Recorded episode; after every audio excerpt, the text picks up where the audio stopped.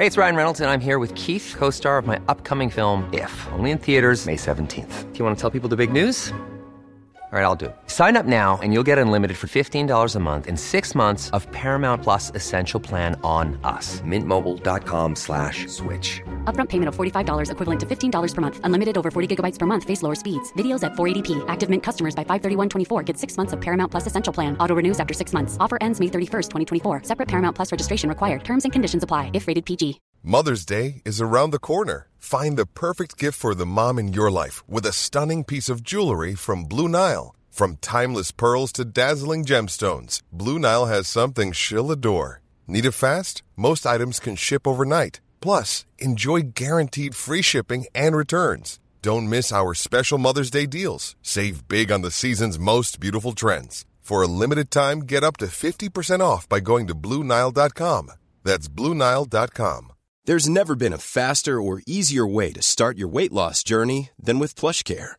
PlushCare accepts most insurance plans and gives you online access to board-certified physicians who can prescribe FDA-approved weight loss medications like Wigovi and Zepbound for those who qualify.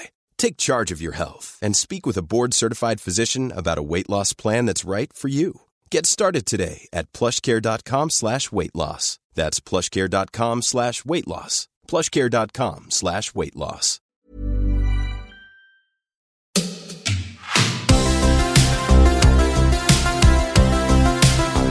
Hej och välkomna till dagens avsnitt av Klocksnack med Denk och Berns. Med mig Denke idag. Eh, dock inte med Berns, men vi har med oss en annan prominent och kul gäst i studion. Hanna Hellberg. Ja, fan prominent. Det är inte varje dag man får det epitetet. Nej, det är inte varje dag jag får chansen att använda det ordet heller, så att jag tänkte att jag passar på. Eh, vi ska prata klockor och smycken idag.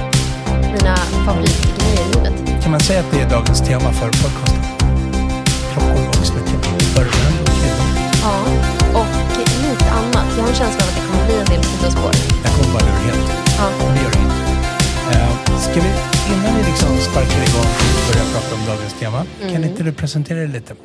Hanna Hellberg, vem är du och varför, höll jag på att säga.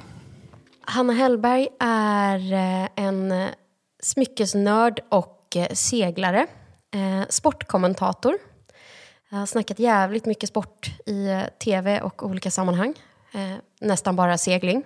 Eh, driver eget, jobbar med kommunikation och eh, har väl min lilla eh, älskningsgrej som jag gillar att göra. Att jag snackar jävligt mycket smycken. Jag nördar. Jag har ett Instagramkonto som heter Smyckeskompisarna. Precis. Och eh, härjar rätt ofta i en podd som heter Smyckespodden. Exakt. Det var väl någonstans i det sammanhanget som vi kom i kontakt med varandra, tror jag. Ja men precis. Eh, jag, Georgios, friend av eh, Klocksnackspodden. Exakt. Eh, han har ju varit med i Smyckespodden. Precis. Och Cecilia som jag pratade med där, hon sa ni borde ju prata klockor om det här. Och jag blev ju jävligt nyfiken på hur det låter när Georgios inte har liksom smyckesframingen. Så då började jag lyssna på Denke Berns. Och jag tror att första avsnittet var med Sanna från Kaplans, Wines Me Up på Instagram. Och bara, fan vad, fan vad trevligt att få bara orera om klockor ett tag. Ja, Eh, för att vi eh, fastnar rätt ofta i smyckesträsket och jag tycker att klockor är smycken. Men det är sällan man får liksom gå in på klockor så mycket som jag hade hoppats i den podden. Och så skrev jag väl, jag slidade in i DM, som kidsen säger. slidade in ett DM. Mm. Det gjorde du. Och här är vi nu. Och här är vi nu. Eh, jag tycker det är superkul. Jag, jag gillar ju så här smycken.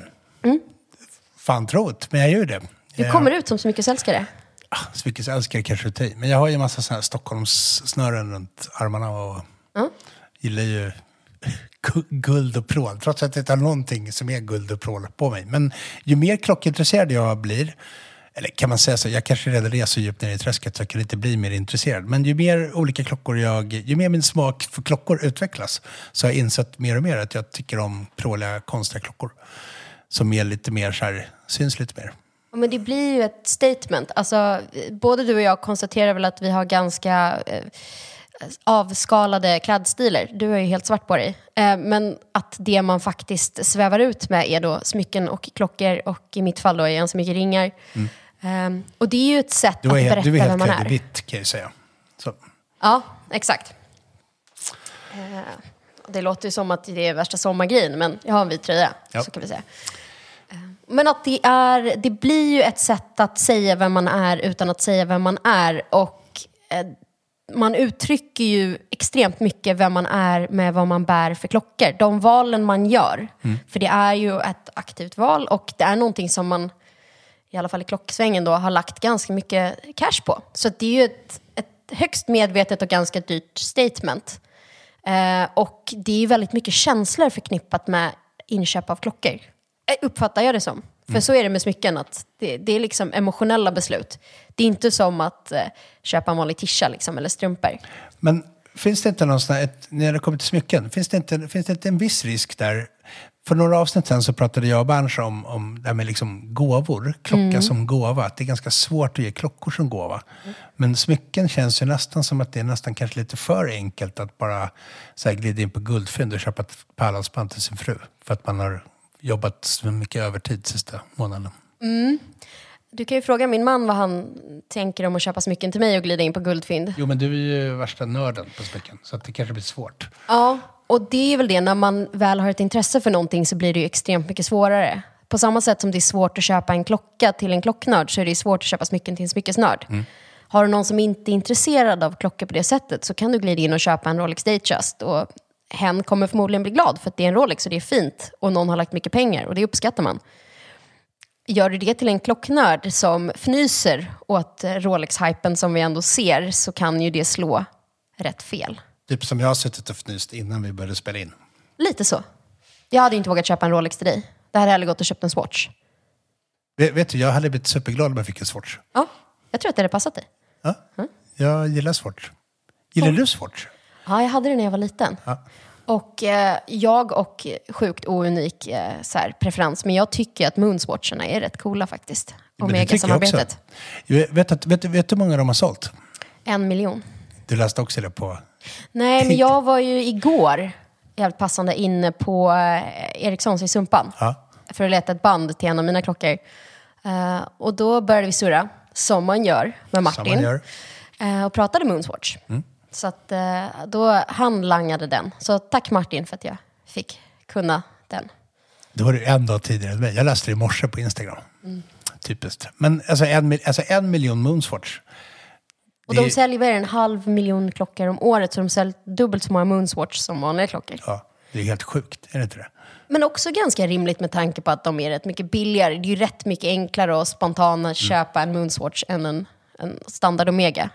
Alltså jag gillar Moonswatch. Jag tycker att det, hela konceptet tycker jag är jättebra. Jag skulle kunna tänka mig, nu kommer jag bli ihjälslagen av en så här stor mobb med högafflar och facklor. Men jag skulle kunna tänka mig en eh, Moonswatch som substitut till en eh, vanlig Speedy Pro faktiskt. Oh, ja, jag förstår det. Men jag hade gärna haft den som komplement till, eh, ja, till min daily driver. Ja.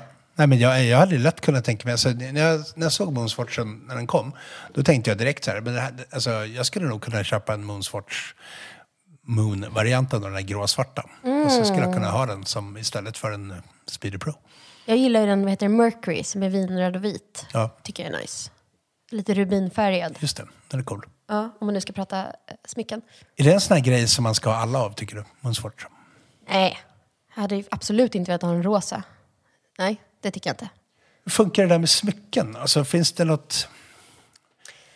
Finns det någon svar, motsvarighet till Swatch när det kommer till smycken? Det, för, det, för, för jag tänker så här, vi, vi kanske ska börja definiera en grej lite grann. Eh, när vi pratar om smycken, eller när du pratar om smycken, då känner jag så här, då pratar du om riktiga smycken i guld och ädelstenar och så. Och silver och ädla metaller och sådär. Inte så mycket smycken som bijouterier. Nej, Ungefär som att vi klocknördar pratar om klockor, då menar vi per definition inte Daniel Wellington. nej det är sant. Eh, nej, jag pratar nog om smycken och bish, som då är slanguttryck för bijouterier. Eh, så nej, när jag pratar smycken så pratar jag absolut om eh, äkta smycken, som man kallar det för. Eh, sen så har jag ju trendspanat i vår podd om att silver kommer tillbaka. Och silver är ofta förknippat med bish, men nu så ser man ju väldigt mycket silver igen, för guld har blivit så jävla dyrt. Att eh, man får liksom bra design eh, även i silversmyckena. Så att man använder det råmaterialet, alltså godset är silver, men sen så har man äkta smycken ändå. Och kombinerar smycken med, eller silver med diamanter och fina ädelstenar. Så att, ja men jag, smycken, det är sant. Jag pratar om äkta smycken. Eh, Så min vigselring i titan, eh, bish eller är det ett äkta smycke? eh, titan är ändå en ädelmetall. Min man har en vigselring i eh, tungsten, eller volfram, som han fick välja själv. Jag bestämde att det var inte kullen jag skulle fightas på. Nej. Alla får välja sina egna vigselringar. Det är inte den konflikten vi behöver i vårt äktenskap, om ringar. Nej. Jag hade ju inte velat att han skulle lägga mig i vad jag hade. Vad har du för vigselring? Vad, vad, körde, vad körde du? Jag har tre stycken. Alltså, det här är helt sjukt. Det är så här, sm- smyckesvarianten av wrist check. Vad har du för vigselring? Ja, men det är sant. Jag har, eh, ja, men jag har faktiskt tre ringar. Så jag har, det, tjejer har ju ofta, det är ju sjukt oschysst. Ni får en ring och vi får ofta två. Jag valde tre. Så jag har, eh, Såklart, som man gör. som man gör. Ja, men jag har eh, en, förlovningsringen då är en diamantring. Sjukt basic. Nej, men eh, det är en femstensring kallas det för. Så det är fem lika stora stenar som sitter på en rad. Eh, I ett band. Och sen så en slät guldring, bara nätt. Och sen har jag blåa safirer som är lite olikfärgade, så havsfärgade. Så att, eh, diamanterna och safirerna är faktiskt samma modell med olika stenar. Så det är liksom en, eh, en stacka kallas det för, när man har flera ringar på samma finger. Wedding stack.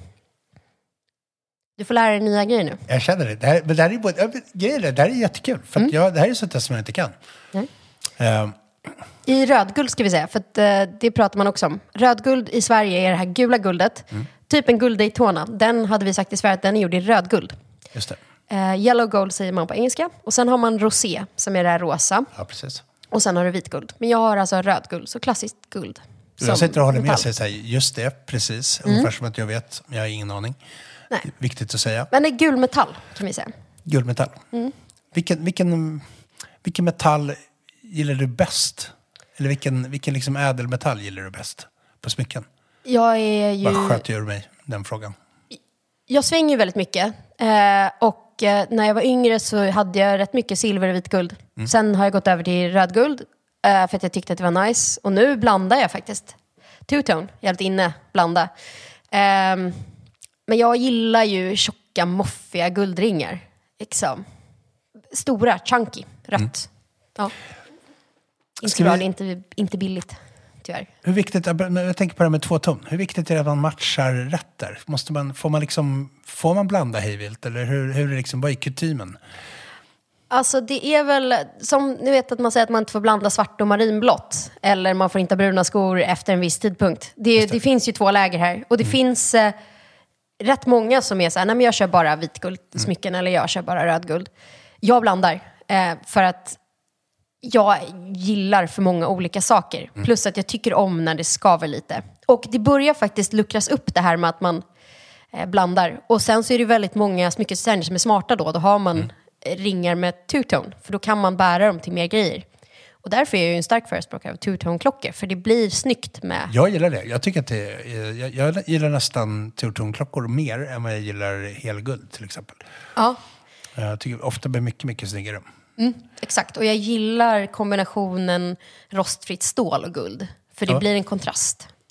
Jag. Rostfritt stål, det låter så här landstingstrist. Ja, men oysterstål då? Eller vad, vad säger Nej, jag man? vet inte vad man säger. Ehm, det, var bara, det var bara en Men din reflektion. klocka är väl, är den inte rostfritt?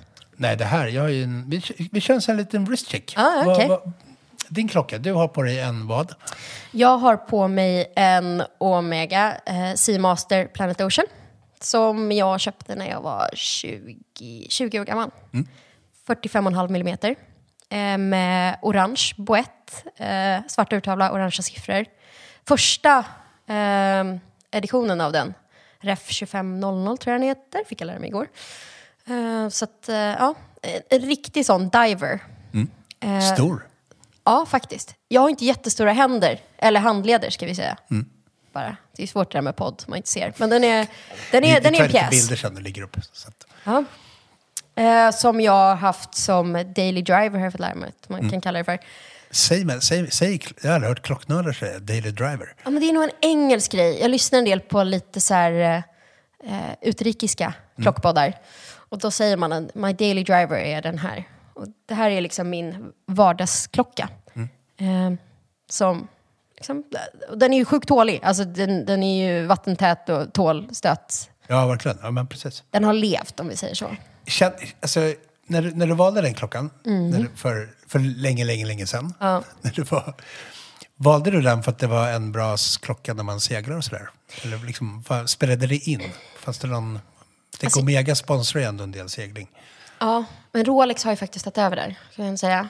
Eh, jag hade faktiskt en Speedy som jag fick när jag fyllde 15, som var... Eh, den var ju lite mer ömtålig.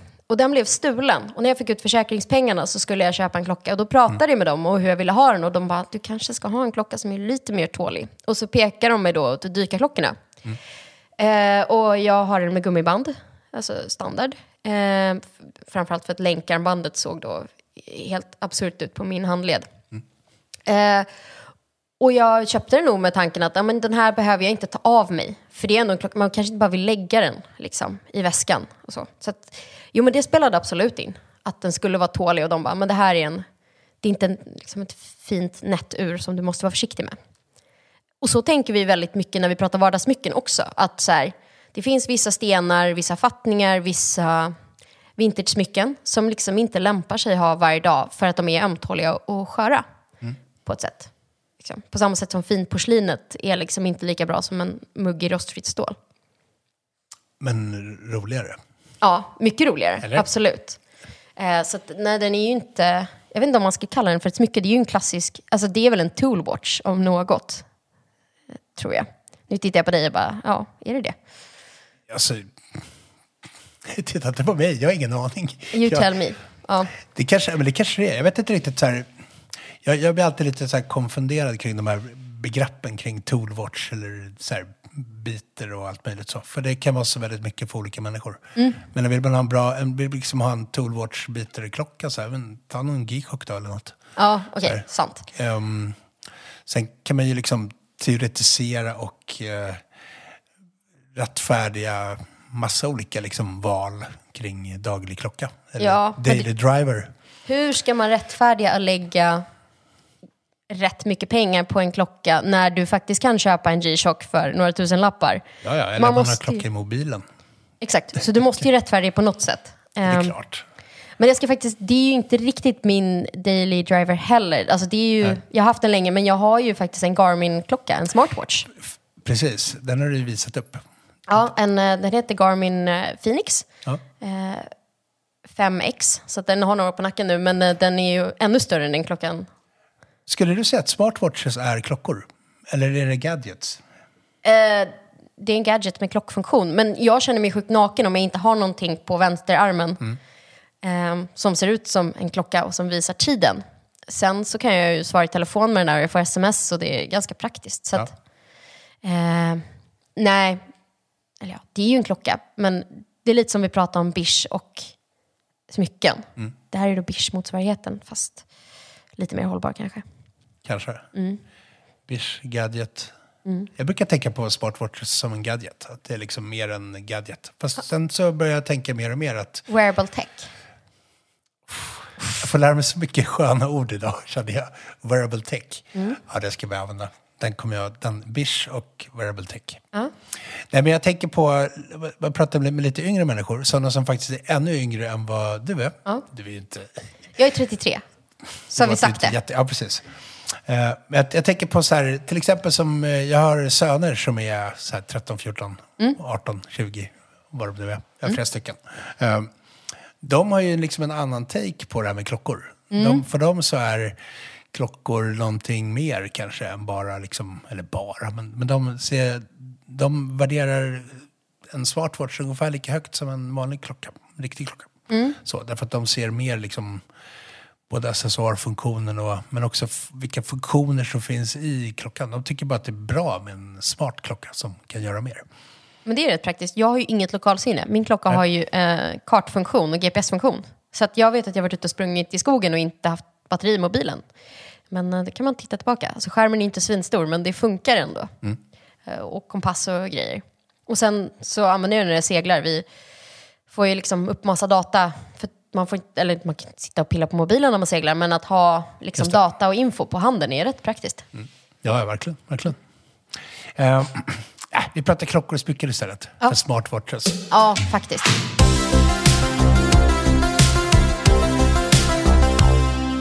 Vi kan väl prata lite om det här med manligt och kvinnligt inom, där det handlar om klockor och smycken. För det är, så, det är så konstigt ämne på något sätt. Samtidigt som det är svårt att undvika. Jag vet, och det är ju verkligen, nu går vi in på absoluta stereotyper här. Alltså Ja, så här, kör. världen är ju på ett sätt som blir eh, mer gender fluid. Bara för att slänga mig med massa sådana woke-termer nu. Men Kommer Mm. du säga genderbender förr eller senare? Jag måste få veta. det kommer komma. Ja. Eh, men det är ju roligt att hänga upp saker på stereotyper. Och nu drar vi inte alla över en kam, men det är ändå kul att generalisera. För man måste ju ändå kunna säga om trender och så i stort. Och det är ju, jag upplever att ni killar, nu pekar jag på dig, nu får du representera alla män. Eh, att ni eh, är ju sjukt mycket mer intresserade av klockor och eh, jag gissar att populationen på klocksnack är, det är en övervägande del män där. ja. Och vi kvinnor samlar inte på klockor på samma sätt. Är man eh, en finanskvinna i karriären så har man säkert en dyr klocka för att det liksom ingår i uniformen. Eh, och man kanske uppskattar någonting fint. Men man har en klocka. Och den ska funka och den ska vara fin. Det är inte så nördigt. Man orkar inte hålla på med så här, byta plexiglas och dra upp dem och grejer. Utan det ska funka och de ska vara, funka med allt. Och en size som är liksom acceptabel. Man byter inte utan det ska vara snyggt och enkelt och cleant. Och så har man den klockan. Man investerar i en klocka. Ungefär så. Det luckras i och för sig upp, vilket är väldigt kul. Ehm, och tjejer börjar samla mer på klockor, vilket jag tycker är underbart. Men historiskt sett så tycker jag att ni var ju tidigare på det här med att samla på klockor. Det som är lite kul, då, det är ju att från början så var ju, om jag har förstått historien rätt, vilket jag i egenskap av vit medelålders man med SUV naturligtvis har. Eh, nej, men jag tror att de första armbandsuren som gjordes var ju faktiskt till kvinnor. Kvinnor var ju liksom målgruppen för armbandsur. Män hade ju, riktiga karlar hade ju fickur. det Och var ju monokel. och monokel. Ja, precis. Men framförallt fickur. Fickur var ju liksom... För Kvinnor hade inte fickor på det sättet. nej, istället så hade man ju kvinnor då, då ville man ju ha liksom natta små smycken på armen som också visade tiden. Så att, alltså, att- så att det är ganska intressant tycker jag hur klockmarknaden, eller klockbranschen efter liksom första världskriget gått så hårt på att få göra liksom armbandsuret till en grej för killar. Hela den nischen. Att man verkligen har skapat det, liksom den marknaden själva på något vis. Och det har de ju lyckats med, för nu Verkligen. känns det ju som att... Men som jag förstår det rätt, för nu är jag inte så insatt i det här med investerare klockor och så, men som jag förstår det rätt så är det ju herreuren ofta som blir samlarobjekt. Damuren är ju ofta lägre prissatta, de är inte alls Mm. lika creddiga. Alltså, det är ju liksom herreuren som blir de stora snackisarna och eh, samlarobjekt. Eller? Jag Royal tror det. Jag, så här, jag, jag, jag, jag tycker att det där blir mer och mer, mer, och mer liksom flytande. Gender fluid, Mm. för att använda Mitt uttryck där. ditt uttryck. Uh, för jag tänker i och med att den här trenden med de här jättestora herruren eller klockorna generellt, den verkar liksom ha bromsats. Och nu verkar det snarare gå mot folk, sedan några år tillbaka så är det ju liksom mindre klockor. Och de första herruren som kom var ju väldigt små också. Så att jag menar, bortsett från de här fickuren som man då gjorde om på under typ första världskriget för att det skulle funka i skyttegravar och ha en klocka på armen istället. Så lödde man ju ofta fast här, ja, vet, infästningsanordningar för armband och så. Välkommen till Historiepodden. ja, precis. Ja, nu ska vi prata om hur det var när jag var ung. ja, nej, men, sen, sen de första herrur, alltså herrur på liksom 30-40-talet och sådär, det var ju ganska små klockor. Det var ju 34 millimeter. Ja, precis. Och ganska länge så gick det mot en trend att det blev bara större och större och större tills man någonstans landade i, ja men typ den klockan jag har, att man är uppe och suddar på där 45 eh, millimeter. Alltså 45 millimeter, det är ju, det är ju grisstort på en klocka, egentligen. Ja, det är ju det. Inte fullt, men grisstort. Ja, och Ett boysänke. Nu använder jag massa ord jag läst på klockforum. jag vet inte, boysänke. Ja, men en stekpanna har jag en eh, smyckeskollega som brukar kalla mina klockor för. Ja, kanske. Man kan slå ihjäl någon med dem. Alltså, Ja, visst. dunkar man den i huvudet på någon så blir det en rejäl dent. Men det är ju också, ja, man pratar ju ofta om wearability och den här taktila känslan av att ha något på handen. Det är ju en pjäs. En nättare klocka Ja, passar ju liksom bättre på handleden och inte lika mycket i vägen. Och sen så tänker jag att Men du vet, bilanalogin, att man kompenserar för någonting man inte har med en större klocka. Man har en större bil. Är man säker i sig själv så Att kan man har man väldigt ha... små fötter. Just det, exakt så. Och små skor. Så kan man ha en stor klocka. Men att eh, nu har folk sett igenom det här så nu ser vi den här återgången till liksom, nättare klockor och män som är väldigt säkra i sig Säg själva. det. Säg det. Män med storkukslugn behöver inte ha stora klockor. Check, där kom den. Ja. Ja, nej, men så är det ju kanske. Jag vet inte. Ja, och så här, rockstjärnorna som tidigare körde, ja, men Daytonas kanske med massa diamanter och prål. De går till de här nättare, lite mer finstämda klockorna. De vågar ha lite mer feminina kläder. Så här, vi ser pärlkollier på rockstjärnor och så. Så att de, de är så lugna i sig själva att de kan liksom gå lite mer... Gaykillarna kan vi inte inkludera i det här för de är alltid liksom fabulous och vågar. Men mm. straighta heterosexuella män som vill stata sin sexualitet bortom allt tvivel har ju kört stora brötiga klockor, gärna i rostfritt. Mm. Det ska synas. Men det är inte det, alltså, är det verkligen så? Nej, men jag säger ju att vi måste ju spela på någon slags eh, Ja, ja, det är sant. stereotyp. Ja, det är sant. Det är sant. Ja, så har det varit. Vi har ju en, så, en, eh, så har det banne med varit länge. Vi har ju en favoritanekdot och den är ju några år på nacken nu. Eh, så säg för så här, sex år sedan så jobbade jag som kapten. Jag körde snabba ribbåtar i skärgården. Och då hade jag den här klockan. Eh, och jag var liten och blond och ganska ung. Och det var rätt många eh, vita medelålders män, mellanchefer, som åkte med oss på sina kickoffer. Och när de hade druckit några glas vin på en trevlig skärgårdskrog så var de så här, men lilla gumman, ska inte du flytta på dig så kör jag hem båten. Det måste jag faktiskt fråga. Mm. Jag blir alltid lika, jag blir lika förvånad varje gång. Är det så verkligen? Alltså? Det är så? Är det så jävla illa? Om du ursäktar uttrycket. Ja, framförallt när vi var två kvinnliga kaptener. Ja. Eh, Det var, hände inte så ofta för det var fortfarande fler, jag hade fler manliga kollegor än kvinnliga. Ehm, och de hade ju storkukslugn så de oroade sig inte. Mina kollegor de var ju Mm. liksom lugna. Ehm, de fick aldrig de här kommentarerna, men vi tjejer fick det faktiskt rätt ofta. Och då var man så här, du kan sätta dig ner, ta på dig flytvästen eller så får du stanna här och ta en taxibåt hem Mm. från Sandhamn. Eh, men favoritgrejen var ju då, ofta hade ju de klockor, eh, kostymnissar. Eh, och den klockan som jag har var en ganska poppig mellanchefsklocka har jag förstått. Där och då. Mm, den här OPn. Och det, hände kanske tre gånger att så här, jag såg män som var lite stökiga som hade samma modell som jag. Men den finns i två utföranden. Jag tror att den finns i en 42 eller en 39. Och så brukar det typ så här, du vet, titta, åh, så här, kolla, vi har ju samma klocka. Jaha, fast du har den lilla. Mic drop. Och så gick de och satte sig. Omega, ty- Omega har ju varit lite så här, speciellt Seamaster-modellerna, är ju lite, det kallas ju lite för mellanchefsklocka. Ja. Så. Ja. Jag vet inte vad det säger Det om mig, men ja, det Jag vet inte, men, ja, men ingenting. Nej. Egentligen. Men att, men att du faktiskt har, en, en, en kvinna som har en Omega Planet Ocean tycker jag har, då syns det att man har valt. Ja, det är Sådär. sant. Och med, medvetet val är alltid bra, tycker jag. Mm. Så. Men just här, det finns, det finns ju verkligen en så här stereotyp bild av mellanchefsklockor. Mm. Så, som är då typ Omega Seamaster. Man kör en halvstor SUV, typ en XC90 XC60. Ja. och så Omega Seamaster, kanske en Fora Floren-tröja. Ja, och kanske ett så läderarmband med något eh, ankare i silver. Kanske, kanske. Men Ja. inga mer smycken, för det vågar man inte. Men något litet armband. killen utan hopp. Ja. Så. ehm. men absolut, Mm. det är ju bara en stereotyp. Nej, men jag, tänker, jag, jag tänker lite så här att, att ehm, jag gillar att tjejer, det känns som att tjejer nu, de sista åren, Mm. har börjat intressera sig för klockor på ett annat sätt. Stämmer det, tycker du? Jag tycker att jag ser det. Och framförallt så tjejer som gör mer medvetna val. Att man inte går för de här stereotypa standardklockorna som är liksom... Utan att man faktiskt gör medvetna val. Man tittar, man gör sin research, man väljer, man hittar någonting man gillar själv. Man kanske går på vintage. eh. Sen är det ju fortfarande, vi måste prata Cartier sen, men vi, vi kommer till det.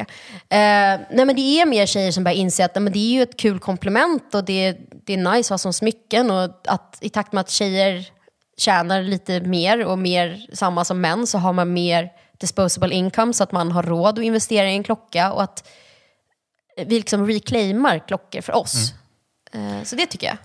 För det känns också, min spaning är också att tillverkarna har börjat möta det där på ett annat sätt än vad man Mm. gjort förut. Det är inte riktigt, inte riktigt lika tydligt uppdelat i dam och herrkollektioner längre. Nej. Vissa tillverkare de liksom ligger kvar i det, men annars så pratar man mer om olika storlekar. Och sen kan man välja vilken storlek man vill. Sen så kan det finnas en, många, många tillverkare en, en särskild damkollektion Mm. med eh, klockor som är mer åt smyckeshållet.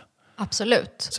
Även att- de stora juvelhusen har ju, jag menar, vi pratar Harry Winston, Graf, eh, Bulgari, har ju verkligen så här, de är ju mer smycken än klockor egentligen. Det är smycken med en klockfunktion.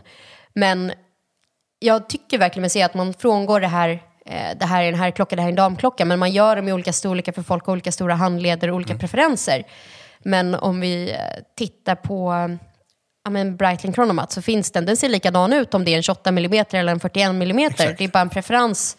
Och det är samma mekaniska urverk, det är samma funktioner. Och det gillar jag, för då är det egentligen bara som att man väljer skor i sin storlek. På tal om det här med små och stora skor. skor är ju väldigt uppdelat upplever jag. Ja, men sneakers och så. Ja, exakt. Harry Styles, ikonen då. Gillar du honom? Ja, Mm. den är cool. Ja, jag, jag håller med. Jag, jag, Grym. Han har gjort en fantastisk version av eh, Sledgehammer, Mm. Som är helt underbar. det, det är någon sån Peter Gabriel-låt, eller hur? Exakt. Och han gjorde den på, fan nu har jag afasi här, men eh, jag vet inte, han gjorde en remake på den i en live-studio på eh, den här eh, kända musikjournalisten som sitter, som har lockigt hår, som ser ut lite som Magnus Uggla fast lång. Howard Stern. Ja, du fattar vad jag menar? Det, men det kanske är för att jag gillar verkligen Howard Stern. Jag tycker att han är... Men då ska du få titta på um, um, Harry Styles gör Sledgehammer hos Howard Stern live. För Jag har redan sett det. Ja, du har det? Ja. Gillar? Ja, jag, jag, jag, jag, så jag gillar både Howard Stern och Harry Styles. Ja. Faktiskt. Men nu sladdar vi lite från ämnet här. En, en hel del. Ja. Um, Men män och klockor, kvinnor och klockor. Nej men tjejer eh, går ju till att köpa klockor och att gå från de här små superpetita damuren går lite mer till lite större klockor. Och män går då från de här jättestora klockorna till lite mindre modeller för att det är kanske är den preferensen man har. Och att det finns ju, jag tycker att typ 36 mm är en ganska så här, det är en bra unisex-storlek. Tycker jag. Om man gillar klockor som är lite större. Alltså, som tjej.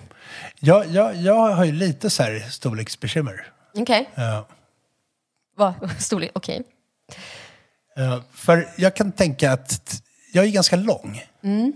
Jag, jag är väldigt... Jag, jag är liksom en, en så här... En halv meter längre än vad jag är typ. Ja. dubbelt så stor som du. Um, tänker jag. Ja. Nej, men jag, tänk, jag tänker så här, jag, jag är ganska lång, jag är 1,95. Mm. Och jag är och, och väldigt stor, yvig och bufflig. Och så här, du vet, river miljön runt mig för att jag är så bredaxlad. Bull in a china shop. Exakt, exakt. Mm. På mig blir 36 och blir lite litet alltså. Ja. Inte alltid, för jag har också förstått efter, efter år av utforskande så har jag förstått att, och märkt att det inte alltid handlar om liksom bredden, det kan lika mycket handla om längden. Det finns en modell som heter Glycin Airman till exempel som är 36. Den är, eller som var 36, vintagemodellen när den kom. Eh, den, den är mycket längre på något vis. Så att, och då funkar det bättre. Så jag kan köra 36 om de är lite längre och sitter på NATO-band typ, för då kommer de upp lite höjd. Har de plexis så blir det dessutom bättre. Men en vanlig så här plain Rolex Datejust, det är lite begränsande på mig faktiskt. Känner det, är nog, det är nog en issue som är i, i, i dig. Jag gillar ju inte små klockor för jag tycker allt ser så himla litet och nuttigt ut. Ja. Alltså så här, när jag köpte min då gadgetklocka så valde jag den största modellen som är, jag tror att den är 55, 52 millimeter. För att jag tyckte att 41 någonting såg för liten ut. Och det är ju helt absurt, men det är ju min uppfattning om mig själv. Att det är så det ska vara. Jag kom fram till att 39 är perfekt på mig. Ja. Och jag har ju drabbats av en 41 mm klocka. Det är liksom, hade jag, fått, hade jag haft 100 000 droppar på en klocka idag så hade det blivit en 41 mm. 41,5. Jag tror att den bara är 41. Jag vet inte. Vil- Vilken modell pratar vi om? PO? Eh, nej, vi pratar om en Breitling Ja, ja. Navitimer. Precis. Så jävla basic. Men den har en grön urtavla. Jag gillade det som fan. Eh, också sjukt okreddig klockrätt har jag förstått. Men jag tycker om den. Jag tyckte den var Det är, fin. det är det väl inte? Varför, var har du fått det ifrån? Nej, men, eh, det, men man hör ju när man pratar med klocknördar om att så här, urverk och grejer, de är lite... Ja, ja, Ja, Eller att den kanske är overpriced och det är bara marketing och lite så. Men det kan eh, vi säga om alla klockor, det är sant. egentligen. Mm. Jag vet inte. Men eh, ja. Ja, men 41 där, jag tycker det är snyggt. 39 hade nog funkat också. Jag hade nog kunnat... Ja. ja men jag, jag, jag tycker också att det handlar lite om bredden på armbandet. Ja. Jag Jag, har ju klockor med 20. läderband. Ja, ja, men precis. Att det blir lite bredare. Eh, Ja, och- 20 mm är så perfekt bredd på armband tycker jag. Då kan klockan vara 42. Som en Speedy Pro till exempel. är liksom, Ehm, men när det blir 22 mm på armbandet, då blir det liksom så här... Det bör- det börjar bli lite knepigt, speciellt när det är länkar och så. Varför att, på mig, tycker jag. a- Alla får ju välja och ha sina preferenser och, ju- såklart. Men jag tycker att så fort det börjar bli länkar som är så här 22 eller 24 mm breda, så här, då börjar det bli lite väl mycket liksom pansarregemente. Så. Jag har nog aldrig ägt en klocka med länkarmband. Kommer ut här i Klockpodden. Jag har nog bara haft gummi och läderarmband. Ja. Liksom. Jag kan inte minnas att jag har haft en klocka med länkarmband. Nej, 20, länk som är 20 mm som smalnar av till så här 18 vid spännet. Det är ganska så här, eller 16. Det är, det är nice. Det är nice. Mm. Ja, men jag ska komma dit i min klockresa. Ryan Reynolds here from Mint Mobile. With the price of just about everything going up during inflation, we thought we'd bring our prices down. So to help us, we brought in a reverse auctioneer, which is apparently a thing. Mint Mobile unlimited premium wireless. Ready to get 30, 30, bit to get 30, bit to get 20, 20, 20, bit to get 20, 20, bit to get 15, 15, 15, 15 just 15 bucks a month. So, Give it a try at mintmobile.com slash switch. $45 upfront for three months plus taxes and fees. Promo for new customers for limited time. Unlimited more than 40 gigabytes per month. Slows. Full terms at mintmobile.com. There's never been a faster or easier way to start your weight loss journey than with PlushCare. PlushCare accepts most insurance plans and gives you online access to board-certified physicians who can prescribe FDA-approved weight loss medications like Wigovi and Zepbound for those who qualify. Take charge of your health and speak with a board-certified physician about a weight loss plan that's right for you. Get started today at plushcare.com slash weight loss. That's plushcare.com slash weight loss. plushcare.com slash weight loss. Jag har ju sagt det till eh, Kaplan Sanna att hon ska få, när jag får lite cash, ska hon få styra upp mitt eh, klockgame lite mer. Vad blir din nästa klocka då? Om du skulle liksom... Jag skulle- Realistiskt nu. Realistiskt, ja, ja. Så skulle jag vilja ha en mer eh, dressad klocka, någonting som funkar men någonting lite mer dressat i och med att Ja. mina klockor är så extrema och så stora och så brötiga så jag hade velat ha något lite mer finstämt. Eh, gillar också tanken på en finare klocka till lite ruffare kläder. Men eh, jag sitter och tittar på så här vintage eh, guldur. Jag har tittat på någon typ så här Pipan, en gammal Omega. Eh, Det känns ju också som en kul kontrast till min liksom, OP. Så att, eh, också tittat på de här gamla Genève. De är ju väldigt överkomliga i pris. Men jag gillar också tanken på en gammal Seamaster eller en gammal ja, men en Pipan. Precis. Constellation. Ja, det är snyggt. Det är faktiskt jävligt snyggt. Ja, med, med ett läderarmband då. Mm. Och så guld, kanske med en sån krämfärgad urtavla. Avskalad, lite tunnare. Men så här 36 Så du måste ju ha hur mycket som helst att kunna välja på. Ja. Faktiskt. Det är fördelen med att vara, eh, då säger att jag kan ju, alltså, även små klockor ser ju då för omvärlden inte apart ut på mig. Det Nej. funkar ju. Eh, och även de här gamla vintage herrklockorna är ju Exakt. ganska då små. På Precis. mig blir det ganska bra. Så det är en fördel. Mm. Eh, så att, eh, ja men det spanar jag på. Men sen så drabbas jag alltid av smycken och sen så går de pengarna jag tänkt skulle eventuellt gå till en klocka, då har jag hittat smycke och så, Det så- det blir så här guld och diamanter istället. Ja men den senaste klackringen, jag shoppade hem en eh, vintage-medaljong från Frankrike här förra veckan. Och den, ja men det, de två smyckena kombinerade hade varit en ganska bra klocka. Ska vi prata smycken då lite? Mm, kan vi göra. För hur, där, där är det nästan tvärtom. Mm. Att det så här, där, är det, där är det vi män, eller killar, Mm. Ja. som är, är liksom, rör oss på ett område som kanske inte alltid är så förstående. Nej, och jag, jag vet inte varför det är, men det är så här, rockstjärnor, killar, de har ju ofta stora silversmycken, det, är liksom, det ingår. Och de är liksom larger than life i sin... Här är vad vi har liksom spånat fram när vi har pratat om män och, och smycken. Att de har den här storkuksauran, att de vågar gå på smycken och det här som då kanske skulle klassas som lite gay eller lite så att man skiter i. Man kan ha diamanter och man kan våga gå liksom lite Liberace. Eh, men det sticker ju ut. För det syns otroligt. Tjejer som har mycket smycken, det är liksom standard. Det är vad man har. Men killar har inte det. Så det är ett det. större statement att ta på sig smycken Det kan, som kille. det kan ju vara lite så problematiskt om man jobbar som så här, ingenjör på något Scania. typ. Och, och liksom köra massor med guld och, och juveler. Ja, och, och det, det säger ju rätt mycket. Alltså så här guld, stora tjocka guldlänkar och guldringar och guldarmband är ju väldigt förknippat med liksom en viss socioekonomisk ställning. Eh, Du sa att eh, du kommer från söder om Stockholm och där förknippas det med kanske ursprung eller rappare eller att eh, liksom, det är en viss vibe på det. Och att folk tillskriver en epitet som kanske inte hör ihop med vem man är då, bara för att man har smycken. Så, precis, precis. Eh, så det är, och det som är accepterat är väl de här lite armband. Det är okej. Kanske en klassisk klackring, för det är ju faktiskt ett av de få smyckena som är traditionellt manligt. Man ska ha en klackring med familjesigillet på vänster lillfinger. Det är vad man ska ha. Ehm, Jag har alltid tyckt att det ser så off ut med bara en klackring på vänster lillfinger. Men det är, du ska bli förvånad. Alltså är man i typ England och så, det är det Ja, man har. ja, ja, ja. Family crest och gärna gått i arv. Och det är liksom socialt acceptabelt för då visar man sin status att man är från en fin familj på det sättet. Jo, men eh, det är bara att jag tycker att det ser off ut ändå. Så här. Ja, nej, men jag har ju väldigt sällan bara klackring. Jag har ofta flera ringar. Ja. Ja. Även nu, nu tittar jag på mina fingrar. Då har jag tre ringar på mig på den handen. Så att, ja, nej, men det är väl killar...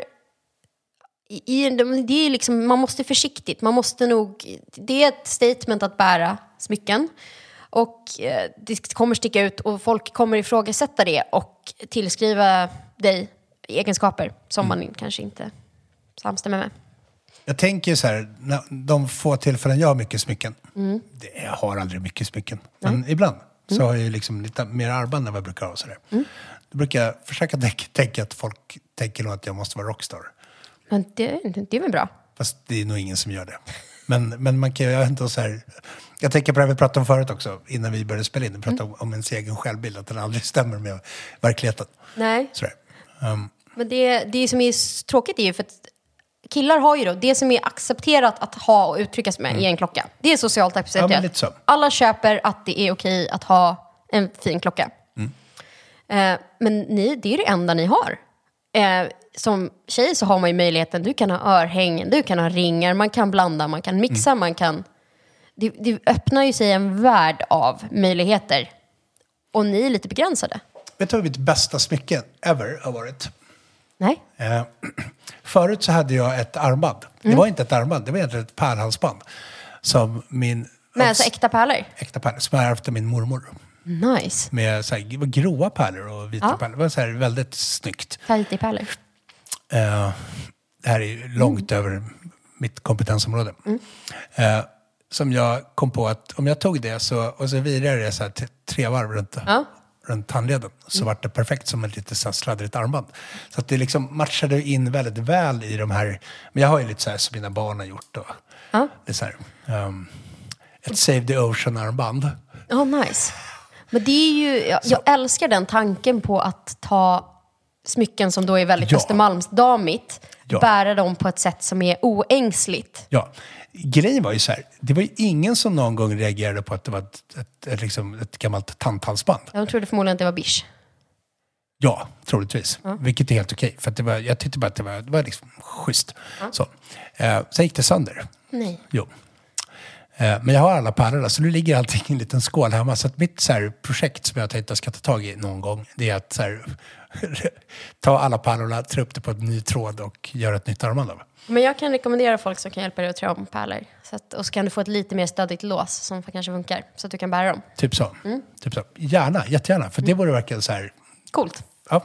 Ja, men det är, och eh, alltså vintage, att köpa grejer vintage är också en grej som smyckesvärlden, det börjar bli mer socialt accepterat nu. Och det här intresset för eh, vintageklockor, att man blir mer informerad gör att man kan köpa grejer som liksom inte är moderna och inte är gjorda på med de hållbarhetsnormerna. Att man eh, kan ha det Så att, eh, samma med vintage-ringar och att man tar lite tid och faktiskt går till en guldsmed och kollar och servar. Och, för smycken ska servas, precis som klockor. Klorna som håller fast eh, stenar, det kallas en, fat, en fattning när en sten sitter i någonting. De måste ses över, för guld och silver det är mjukt. Ehm, och det måste servas och kollas så att man inte tappar grejer. Så att, eh, men att man gör det. Det är ju bra tips. Ja. Faktiskt. För det hade jag, jag, jag har aldrig ens tänkt på. Nej. Sådär. Guld är ju sjukt mjukt, ehm, faktiskt, även om det är väldigt hållbart. Så att vanliga smycken ska man ju faktiskt helst lämna in till en guldsmed så här vartannat år om det är steninfattar. Och kolla, Så har mycket? vi, ja, ja. Så har vi tjejer som lyssnar, lämna in dem, får de rengjorda, då gnistrar de mer. Och be någon att bara kolla med lupp liksom på alla fattningar. Eh, så, för det är jävligt sorgligt att behöva tappa stenar och så. Ja, det är ju supertrist. Mm. Och jättedyrt. Ja. Och eh, jag vet inte, ni som kanske lyssnar och då har länkarmband, om ni har en sån här ultraljudsbad. Ja. Mm. Det är ju superbra att tvätta smycken i också. Just det. För det, där, det är ju lite snackis med, eller snackis, det är en sån här grej som brukar, folk brukar göra ganska ofta, ta länkar och så tvättar de ultraljud. Bara för, för att det är så mycket mänskligt DNA. Ja. Speciellt när man håller på med vin- vintage. Man kan ju få med sig väldigt mycket sådär, Mänskligt DNA var ett fint sätt att uttrycka det på. Mm. ja, äckligt jox. Äckligt jox. Ja, men det, det fastnar ju i smyckens fattningar också. Eh, däremot, så ska jag säga så här, vissa stenar är, eh, och vissa fattningar tål inte riktigt det här. Och beroende på vad det är för kvalitet på smycken. Så att generellt sett, diamanter, safirer, inte smaragder och inte jättegamla grejer ska man inte slänga i ultraljudsbadet för det är ett superbra sätt att rengöra men skakningarna kan skaka loss grejer.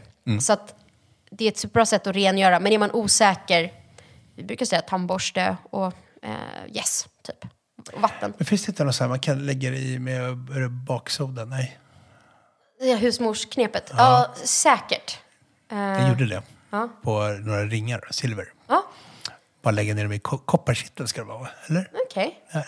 Kanske. Ah, nu är jag ute på extremt djupt vatten. Men det finns ju lite gamla husmorsknep på hur man kan få silversmycken fräscha igen. Bara genom att liksom lägga dem i en... Ja, men det är ju, silver måste ju oxidera ju, så det ska man ju putsa om man vill ha den här vita glansen. Jag kan tycka att det är snyggt med, liksom, med oxidering. Nu plockar jag fram en ring, den här är ju oxiderad. Eh, så att, och det är ju en grej att den ska vara det. Just det. Det är en ring med en dödskalle. En gargoyle, sån här eh, Gargoyle. som sitter på gamla Ja, just kyrkor. det. Så jag, precis. Harry Potter-prylen. Eh, exakt. Ringen i Notre Dame. Cool ring. Så där, blev jag, där fick jag en, en kulturell örfil. Ringen i Notre Dame, inte, inte Harry Potter. Nej, Nej. exakt. Men Eh, ja, men- behövligt. Svensk smyckesdesigner som heter Maria Nilsdotter. Men den skulle nog klassas som bish, för det är silver och en citrin. Men det är ju ändå liksom, det är ju Men en vad, är det ädelsten. för, vad är det för skillnad på olika stenar? Diamant är ju liksom en grej, men sen de andra stenarna, räknas de som diamanter? Nej, det gör de inte. Nej, eh, det, det är ju kalla en Rolex för en Omega. Nej, det är två olika märken Nej. eller två olika mineraler. Alltså, s- s- mycket, ädelstenar är ju mineraler. Eh, och diamant är en viss eh, mineral. Sen har du ju safirer. Safirer finns i, eh, de är vanligast i blå, men de finns i alla olika färger. Nu ska jag ge dig en ring här. Det här är bara safirer, regnbågsfärgade. En väldigt hård eh, sten. Och så finns det, det finns hur mycket ädelstenar som helst. Det finns eh, spineller och kvarts. Och, men skillnaden på dem är att de är olika hårda. Det finns en hårdhetsskala som heter Mohs Scale of Hardness. Och det är egentligen hur lätt någonting repas. Och om man då pratar om så här vardagssmycken så i luften så finns det dammpartiklar. Och dammpartiklar kan repa eh, smycken eller stenar som är mjukare än 6,5 på den här Mohs Scale of Hardness.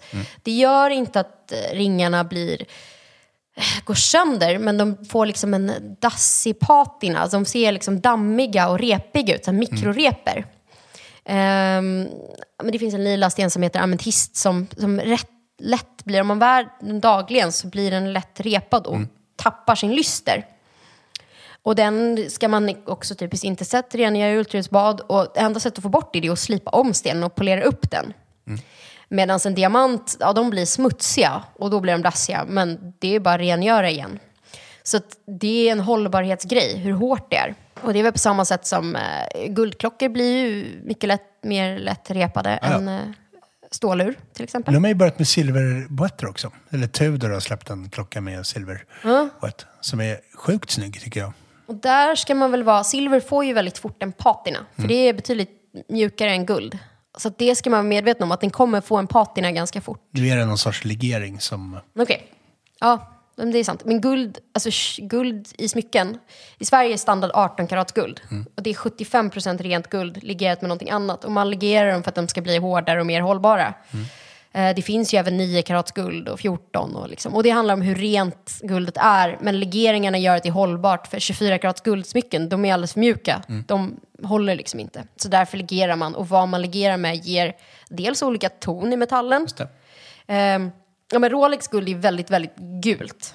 Sen finns det liksom mer röda och mer, men mindre, med mer orange guld som liksom är, och man legerar med koppar och silver och annat för att få det hårdare.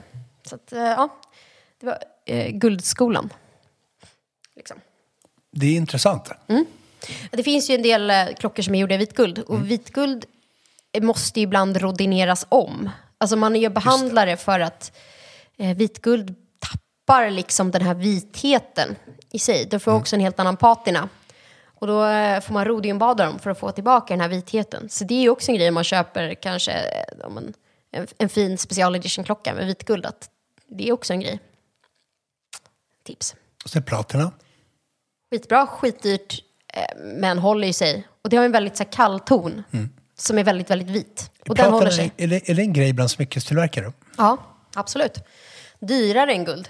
Ännu dyrare. Eh, väldigt, väldigt vanligt om man går till de här riktigt stora juvelsalongerna när du köper en riktigt stor diamant där liksom godset i ringen inte är det dyra utan vi pratar stenen. Eh, och det blir en väldigt, väldigt vit eh, metall. Och om man verkligen vill få stenen att skina, att det är den som ska vara huvudpisen, så blir ja, men platina väldigt vanligt hos eh, Tiffany och Graf och Harry Winston. Stål skulle inte vara något att tänka på där. Men eh, det finns ju en del, eh, om vi pratar så här, ni har ju independent-märken på klockor. Ja. Det finns typ motsvarande i smyckesvärlden. Det är så skönt att ni har. Ni har, ja, exakt, Ni, det är i vi och ni. bransch. Ni, Men eh, i klockvärlden pratar man om independent-märken. Ja, precis. Det finns ju sjukt mycket duktiga hantverkare som gör väldigt coola smycken. Det finns ett tyst märke som heter Hemmerle. De producerar typ 12 smycken om året. Och då är det typ 30 guldsmeder som jobbar på 12 smycken. Alltså alla är price upon request. Men de jobbar ju med så brons och trä och jag skulle gissa att smyckena ligger på några miljoner styck. Liksom. Eh, och att man börjar våga blanda oädla material för att skapa coola uttryck. Eh, och vi har haft en lång diskussion om det här. Eh, min kompis Cecilia vill inte kalla det för äkta, hon kallar det för hybridsmycken. Men jag bara, men en ring för tre miljoner, är det liksom inte ett fint smycke? men sitter det i priset? Är det där det sitter? Eller sitter Jag skulle liksom säga att i- jag tycker att det sitter i hantverket. Alltså att du har en guldsmed som jobbar, det är inte massproducerat, det är liksom gjort med designen. Tycker jag. Eh, men sen får man väl vara medveten om också att problemet är att den typen av smycken kan man inte bära varje dag, för de kommer gå sönder på det sättet. Men där är väl också så här, försäkringsvärdet gör väl att man kanske inte hade gått det när man gått till ICA ändå. Men eh, ja, Eller just därför ja. kanske man skulle haft det. Ja, det är coolt, absolut. Men, eh, mm. För det är väl också grejen, eh, jag tror att den historiska skillnaden mellan bish och äkta smycken är att äkta smycken, alltså guld även om det blir repat, det tappar ju inte färgen. En guldplätering nöts ju. Det ser man ju mycket på gamla klockor. Ja, verkligen. verkligen. De är borta. Det blir det ju inte när det är solitt guld. Nej. Och där är väl en skillnad. Äkta smycken, de lever ju hundra år. Alltså de behöver poleras och så, men inte så mycket mer. Så. Äkta smycken, bish, hybridsmycken. Många termer. Kan killar köra bish? Ni gör ju det. Ja, eller så säger jag. Jag har ju på mig bish-armband. Men det är ju rätt vanligt med killar med så här silverarmband och så här. Ja. Och silverringar. Eh, och sen så här läderarmband och jag som seglar, det är mycket så här ihopnötta tamparmband och lite sånt liksom. Men det där har jag tänkt på med armband. Mm. Just, just de här liksom armbanden som killar, vi män, springer runt med och har gjort de sista typ tio åren. Ja, Kanske? ännu längre kanske. Är det så? För jag tycker att man började se det på bred front för typ så här tio år sedan. Mm. Är Ja. det, ja, min, min fördom säger mig att det där började som någon sån här grej för folk tyckte att man såg coola snubbar i Italien som var lite så här sprezzatura-coola. Och hade på sig så här små Eller tygband och australiensiska surfare. tänker jag också. Ja, fast det som har kanske lite så är här, inte en annan kultur. Så här, annan hajtandsgrejen. Det är kanske är någonting helt Ja, men annat. det, fan, då går man runt och ser ut som Ulf Lundell. Så här hajtandshalsband. Men rockstjärna. Nej, den, nej, nej, nej, det går ju inte. Inte hajtandshalsband. Nej, nej. Nej. Nej, nej, men jag, jag, nej, köp inte hajtandsmycken. Men okej, den här italienska viben, man har liksom lite Loro Piana, man glider omkring på Costa men Smeralda. Precis, precis. Exakt. Men Ja. du vet, i liksom loafers och inga strumpor. Ja, Den- den verkligen. Lite grejen. uppvik på äh, linnebyxorna. Ja, precis. Och sen så, så sitter det så här killar i Stockholm och bara åh. Man vill ju vara den. Men det är ju hela min teori om eh, riktigt så här, dyra klockor. Att, så här, nu har jag en klocka med ett sjukt avancerat urverk. Eh, det drar sig bara så här, någon sekund på så här länge. Jag skulle kunna dyka till 10 000 meter. Eh, Ja, det är väl Mm. en klocka som klarar det. Men jag, så här, eller jag, den här klockan har faktiskt varit i månen, så jag skulle kunna åka till månen. Ja, för att man, så här, ja, ja, visst, absolut. de här absolut. grejerna man vill göra och det ger en så här, nu sitter jag på mitt mellanchefsjobb framför min dator och mitt Excel-ark. Men jag skulle kunna vara Indiana Exakt, Jones med min klocka. Exakt, nästan. Det är därför jag också har så här Alden-kängor. Ja, det är så. Mm. Ja. Eller jag har inte det, men alltså. Och det är därför man har liksom en sjukt stor SUV med stora däck. Ja. För att det är ju, inte för att det är jävligt höga trottoarkanter på Östermalm, utan för det att man skulle det- kunna köra i skogen. Precis, det är ett äventyr att åka till Täby, som brukar säga. Ja, det är ett äventyr att åka till Täby. Men då måste jag faktiskt fråga så här. Jag, hjälp mig här då, lite. Mm. Jag, har, jag har ju en sån här dröm om att jag, vad, vad jag skulle vilja, min självbild och allt det där. Mm. Eh, jag, jag älskar ju Chevy Chase. Jag älskar Chevy Chase i ett päron till farsa. Mm.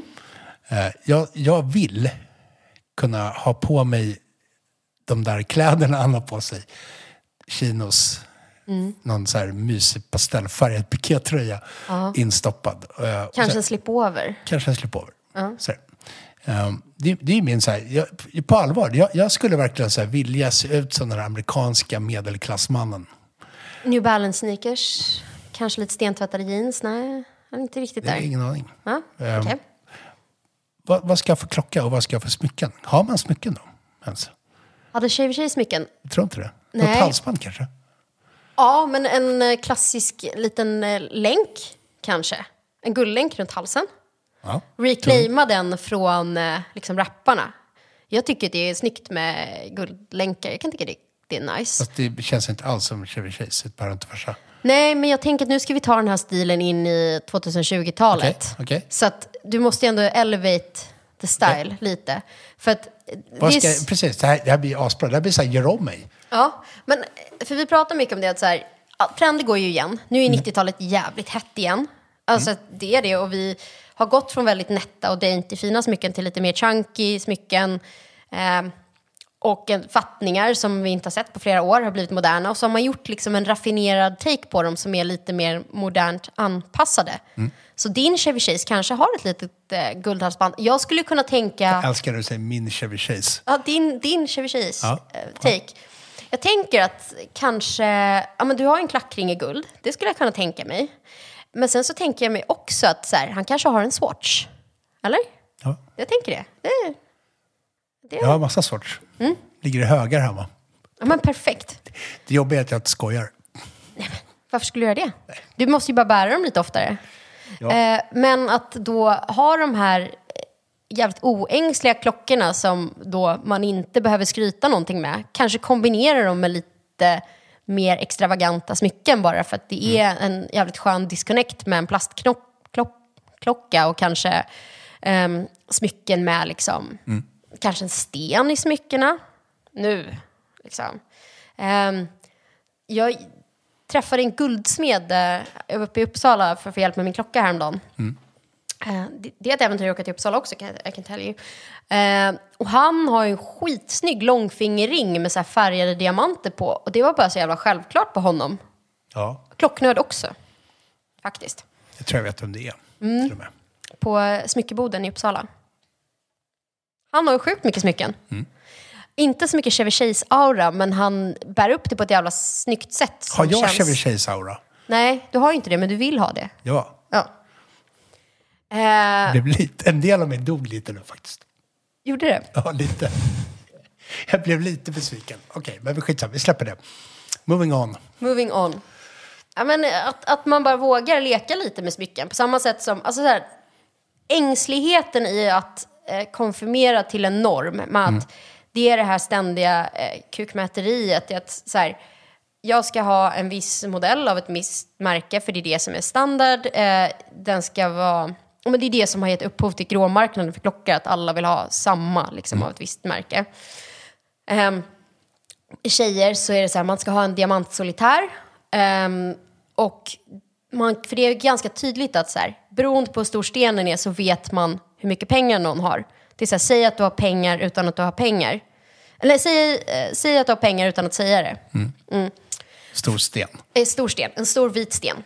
Ehm, för det är någonting som alla fattar. Men jag tänker att vi vill gå tillbaka till det här if you know you know. Man behöver inte... Ingen annan behöver fatta vad du har. Det är väl liksom... Det är ju, våga köpa grejer som inte... Alltså min så här, anekdot var en mäklardude skulle köpa förlovningsring till sin flickvän. Hon hade snöat in på någonting som heter chokladdiamant. Det är en brun diamant. Alltså det är en diamant men den är brun. Diamanter finns i alla färger. Säger. Eh, och så kom han och skulle då köpa den här förlovningsringen.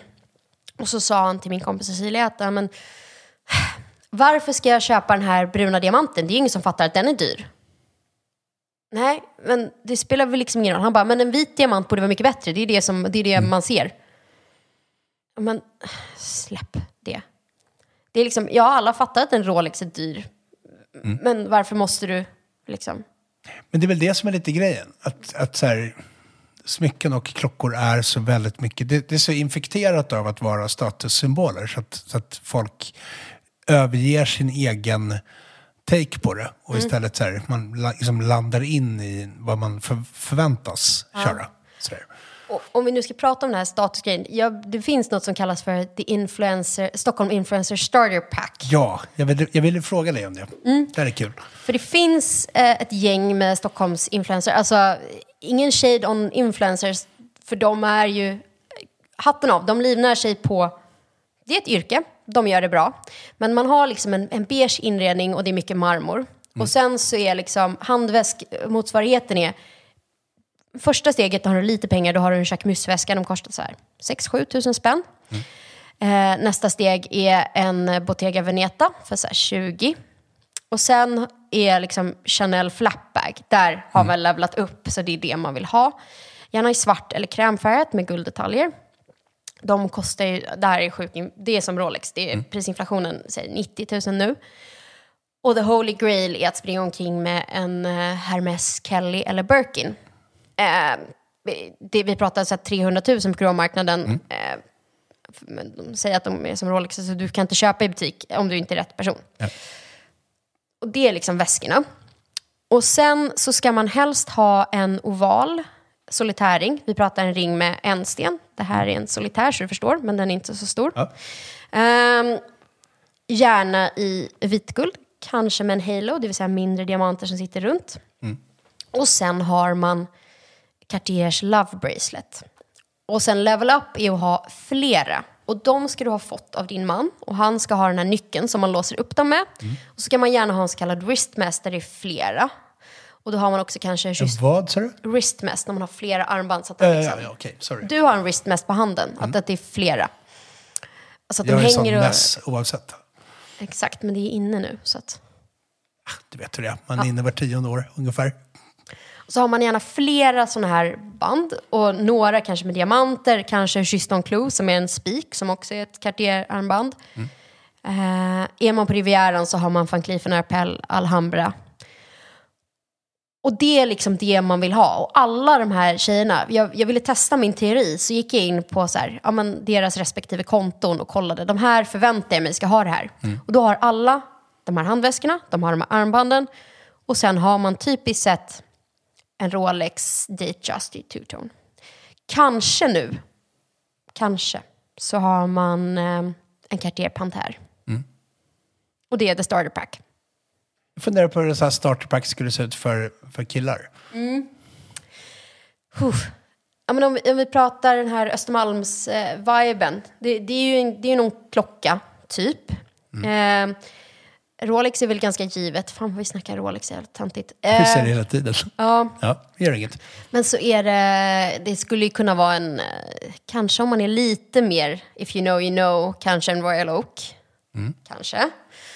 Eh, och sen så har man typiskt sett så här Loro Piana loafers på sommaren. Eh, man har Open en... walks. Ja. Och så har man kanske något så här Bottega Veneta läderarmband flätat.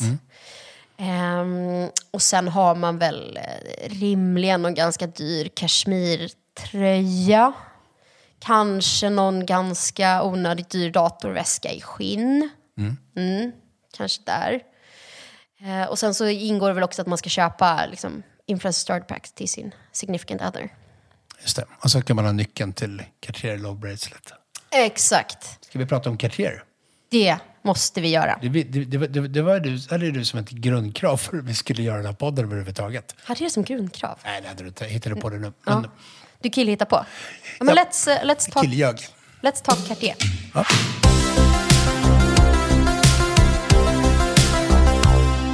Cartier, låt oss prata Cartier. Mm. Vi kör. Cartier. Lika mycket som jag avskyr de här love braceletarna. Vi har gjort ett helt poddavsnitt där jag sitter och typ spyr galla på det. Eh, Så kan jag liksom inte låta bli att imponeras av deras marknadsföringsresa. Alltså jävlar vad de har gjort ett bra jobb. Eh, och framförallt bland tjejer som börjar samla på eh, klockor.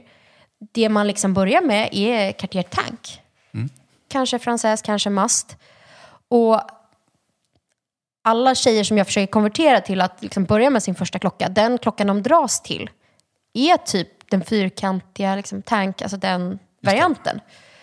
Och jag är så imponerad av hur de lyckas. Liksom. Jag vet inte om det är bra urverk, om det är bra klockor eller så, men det är det alla vill ha.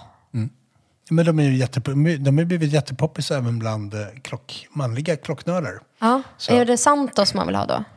Nej, men det är nog alla, alla varianter. Ja. Sådär. Eh, Det, det jag kan tycka är, som, som faktiskt också är liksom, för att knyta ihop det här vi har pratat om idag. Så Cartier är ju faktiskt en ganska bra klocka för att ett bra märke. Därför att de blir någon sorts bryggar, brygg, bryggar ihop det där liksom smyckeklockor på ett bra sätt för både killar och tjejer. För att det är verkligen så unisex. Verkligen. Och där ser man ju verkligen massa klockor som bärs av män som egentligen har någon sorts så här, lite fördomsfullt damstorlek.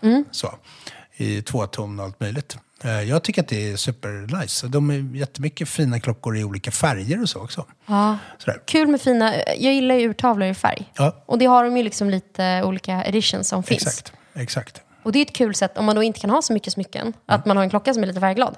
Ett sätt att få in det. Verkligen, verkligen.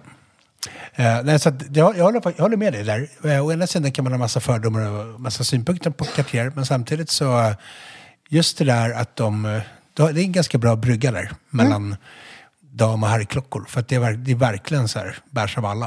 Eh, det finns ju massor med Panter till exempel, den klockmodellen för Panter är ju, är, ju- eller Panter är ju verkligen så här, har ju burits av män.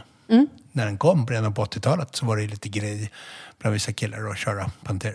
Och där pratar man väl inte om herr och damstorlek, utan där pratar man om small, medium, large. Jag tror det. Jag Bara tror det. så här. Ja, Eh, Och det är nice. Och då kan man ju välja liksom vad man vill verkligen. ha. Verkligen. Så cred till deras marknadsföringsavdelning. Alltså klockvärlden generellt är ju duktiga på sin marknadsföring. Mm. För att hur ska man annars få folk att betala liksom, asmycket pengar för lite rostfritt liksom. Men eh, nej, de är duktiga och eh, ja, men det är nästan så jag till och med varit så här, uff, kanske en, en, en tank, det hade varit nice. Så här. Men du, nu, du vart, ba- bara som hämnd för att du sa att jag inte alls var som Chevy Chase. Ja. Eh, om du skulle ta på dig en Cartier-klocka, du skulle bli en helt annan, du skulle få en helt annan appearance. Ja men absolut. Jag vet jag- inte, jag, bra, jag vet inte, inte Vi lägger ingen negativt. värdering i det. Vi bara, nej men jag, och jag, för min egen självbild så hade jag ju fått kompensera med att ha extra kanske maskulina kläder och haft det till så här grova workboots bara för att... Det skulle ändå bli en helt annan grej. Du skulle få en helt annan appearance. Jag vet, och det är förmodligen därför jag inte har någon. Skulle jag få det om jag hade Cartier, skulle, Ja, det tycker jag. skulle jag bli Chevy Chase? Chevy Chase kanske har en, eh, en Cartier. Ja. Two-tone, varför inte? Nice. Ja, nice. Nej, jag vet inte. Ehm, Det kommer ju ut den på nästa klock... Ja, den, den kommer ju klubbats när det här sänds, antar jag. Men med vinröd urtavla, en Santos, som jag tyckte var väldigt snygg. Den är cool. Lite, och det här vinröda hade ju passat skitbra till beigea chinos och någon lite så här ljusblå pastellig pikétröja. det hade det. Det hade det. Det hade det. Ja, jag får in och buda. Perfekt. Anna, Ja. vi har, nu har vi pratat länge nog. Nu Ja, det. räcker det. Och jag känner också att samtalet har bara spiralat ut i, i weirda Det influencers. inget. det gör inget. Det är trevligt. Och vi, vi känns som, det har också varit en, läro, en lärorik resa. Det har varit en verkligen. lärande process. Jag har lärt mig massa om guld. Jag har lärt mig eh, massa om klockor. Ja. Och jag har fått prata jättemycket om Chevy Chase, vilket bara för mig är det så här, halva grejen. Men innan vi slutar, vi kör ju lite så här veckans låt. Ja. Och du får välja veckans låt. Vad vill du höra för låt? Vad ska vi avsluta med? Vad ska, vad kan, vilken låt summerar bäst upp våran eh, dagens övning? Men jag tänker att eh, vi har ju pratat mycket om historia. Vi har pratat mycket om eh, genderbending, stil, manliga rockstjärnor. Och det var ju en av mina så här, som har gått i arv som gick bort, David Crosby. Eh, som eh, faktiskt eh, gick bort här precis nu. Och eh, han spelade i ett band som heter Crosby, Stills and Nash. Och eh, Steven Stills då, som var med eh, min mammas eh, favoritartist alla kategorier. Så jag kommer välja en låt från hans band, Manassas. Ja, men, eh, en låt som heter Colorado med Manassas. För att vi har pratat mycket om USA, vi har pratat om bilar, vi har pratat om Chevy Chase och eh, den här drömmen om man faktiskt var vill vara. Och jag hade ju gärna varit i Colorado och varit en sån här cool person som bodde i bergen. Så Colorado med Manassas och Steven Stills. Då kör vi det. Eh, Anna, tack så mycket för att du ville vara med i Klocksnack med Denko Berns. Tack. Och eh, tack för j- jättetrevligt. Eh, det Tack här som var, fan. tycker jag. Får se hur det här avsnittet går innan vi lovar för mycket va? Jag tycker vi kör, vi bestämmer det.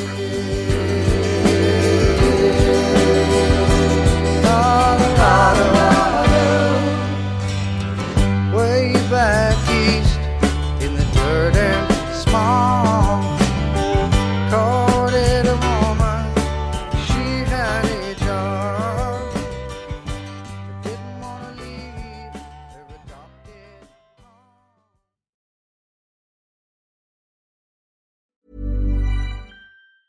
Planning for your next trip? Elevate your travel style with Quince. Quince has all the jet setting essentials you'll want for your next getaway, like European linen, premium luggage options, buttery soft Italian leather bags, and so much more. And it's all priced at 50 to 80% less than similar brands. Plus, Quince only works with factories that use safe and ethical manufacturing practices. Pack your bags with high-quality essentials you'll be wearing for vacations to come with Quince. Go to quince.com slash trip for free shipping and 365-day returns. Mom deserves the best, and there's no better place to shop for Mother's Day than Whole Foods Market. They're your destination for unbeatable savings, from premium gifts to show-stopping flowers and irresistible desserts. Start by saving 33% with Prime on all body care and candles. Then get a 15-stem bunch of tulips for just $9.99 each with Prime. Round out Mom's menu with festive rosé, irresistible berry chantilly cake, and more special treats. Come celebrate Mother's Day at Whole Foods Market.